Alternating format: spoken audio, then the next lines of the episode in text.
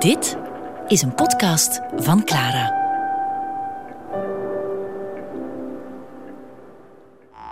Rubens. Een portret aan de hand van schilderijen, tekeningen, brieven en plaatsen. Een tot de verbeelding sprekend hoofdstuk in het levensverhaal van Rubens is dat van Rubens als diplomaat en zelfs spion. In zijn brieven gaf Rubens zelf veel gewicht aan zijn diplomatieke activiteiten. Maar in hoeverre stemde dat overeen met de werkelijkheid? Ik vroeg het aan historicus Michael Auwers, die verbonden is aan de Universiteit van Antwerpen en die onderzoek deed naar dit onderwerp. Om Rubens goed te kunnen situeren in het politieke en diplomatieke milieu van zijn tijd is het belangrijk om te weten dat Rubens hofschilder was. Hij was dus tegelijkertijd hoveling en schilder van de aartshertogen Albrecht en Isabella.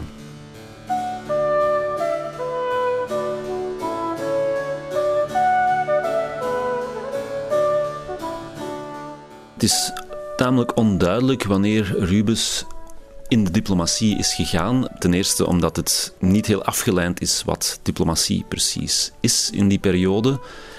Maar we zouden wel kunnen zeggen dat Rubens na het aflopen van het twaalfjarig bestand, rond 1621, dat hij toen voor zichzelf had uitgemaakt dat hij iets wilde betekenen op het diplomatieke toneel. We vinden vanaf dan indicaties in zijn brieven terug dat hij zich bezighield met activiteiten die als diplomatiek kunnen worden bestempeld. In 1622 vinden we een brief terug waarin hij met een contactpersoon aan het Franse Hof het over spionageactiviteiten heeft. Het gaat dan over, over informatie over een mogelijk conflict tussen de Verenigde Provinciën en dan het Franse Hof. Nog een jaar later vinden we ja, echte diplomatieke brieven terug, waarin Rubens met een verre verwant aan het communiceren is over de mogelijkheid tot een vrede tussen Brussel en Den Haag, dus tussen de Habsburgse Nederlanden en de, en de Verenigde Provinciën.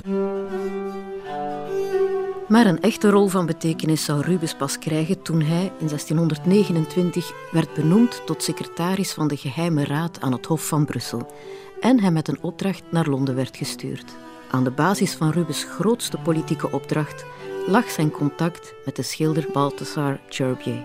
Balthasar Gerbier was eigenlijk een vertrouweling van de hertog van Buckingham. De hertog van Buckingham die toen de hoveling was die in de hoogste gunst stond bij de toen nog jonge koning Charles I Stuart, Karel I van Engeland. Het contact tussen Rubens en Gerbier dateert ergens van halverwege de jaren 1620. En dat is een periode waarin de relaties tussen Habsburgs Spanje en Stuart Engeland ernstig verzuurden. Dat had veel te maken met huwelijksonderhandelingen die een beetje waren misgegaan. Huwelijksonderhandelingen tussen toen nog kroonprins Charles en een zuster van de Spaanse koning Philips IV. Natuurlijk lag een huwelijk tussen een protestantse kroonprins en een ultrakatholieke prinses niet voor de hand. Kroonprins Charles en zijn vertrouweling, de hertog van Buckingham, keerden dan ook van een kale reis terug. Charles I en Buckingham verlieten dan uiteindelijk Spanje met het gevoel dat hun reputatie effectief was geschaad zonder bruid. En eens teruggekomen in Engeland verklaarden zij de oorlog aan Habsburgs Spanje. Die oorlogsverklaring was natuurlijk ook een onderwerp van gesprek tussen Rubens en Gerbier. Rubens en Gerbier deelden dus die artistieke interesses en kwamen in dat kunstmilieu met elkaar in contact. En het is uit die ontmoeting dat gesprekken over een mogelijke ja, vrede tussen Engeland en Spanje begon te groeien. Ondertussen hield Rubens zijn patrones, aartshertogin Isabella, op de hoogte. En op een gegeven moment gaat Isabella ook beslissen om die activiteiten, dus die gesprekken met Gerbier, kenbaar te maken aan haar neef, aan de Spaanse koning Philips IV.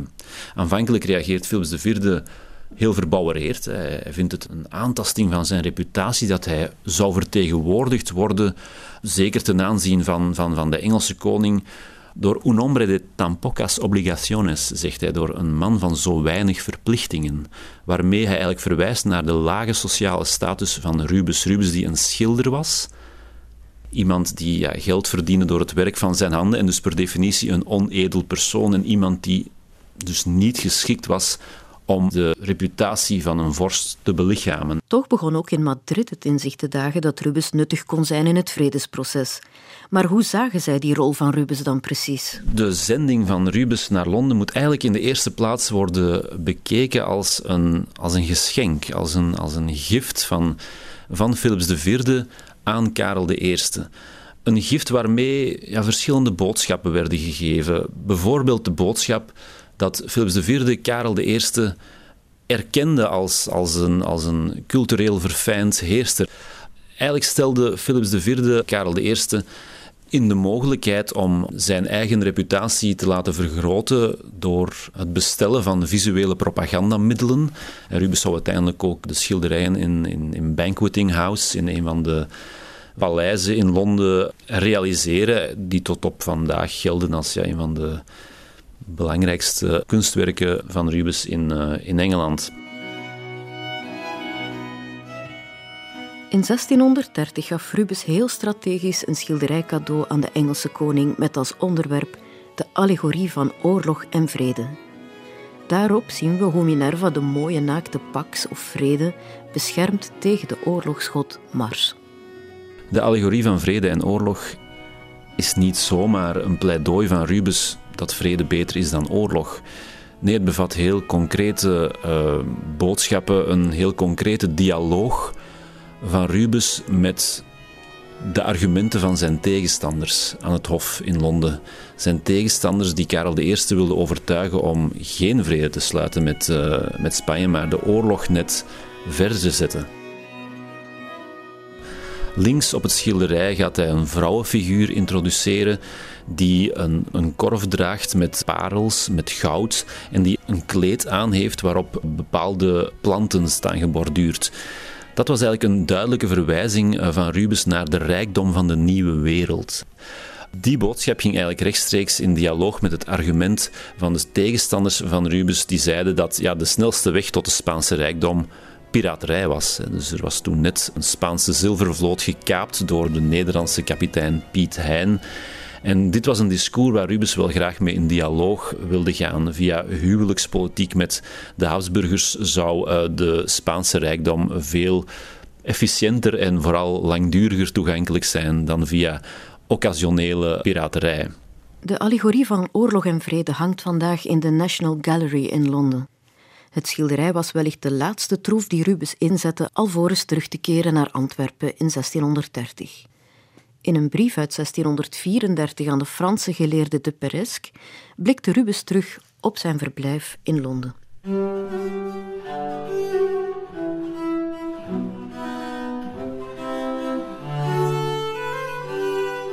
Toen ik mij in dat labyrint bevond, dag en nacht opgeëist door dringende verplichtingen, gedurende negen maanden ver van huis, omdat ik voortdurend aanwezig moest zijn aan het hof, nam ik het besluit om mezelf geweld aan te doen en deze gouden knoop van eerzucht door te hakken om mijn vrijheid te herwinnen.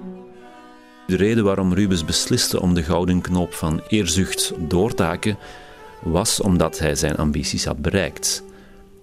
Hij had namelijk heel wat sociale opgang gemaakt. Hè. Dus hij was geridderd door Karel I ten gevolge van zijn aanwezigheid als een soort van diplomaat in Engeland.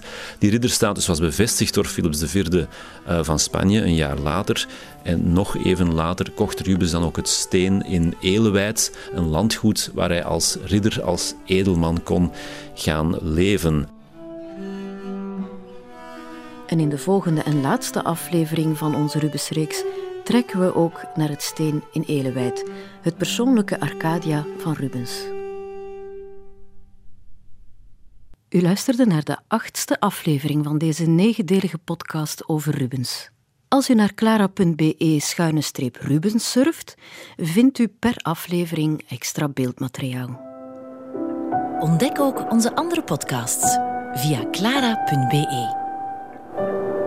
Clara Podcast. Blijf verwonderd.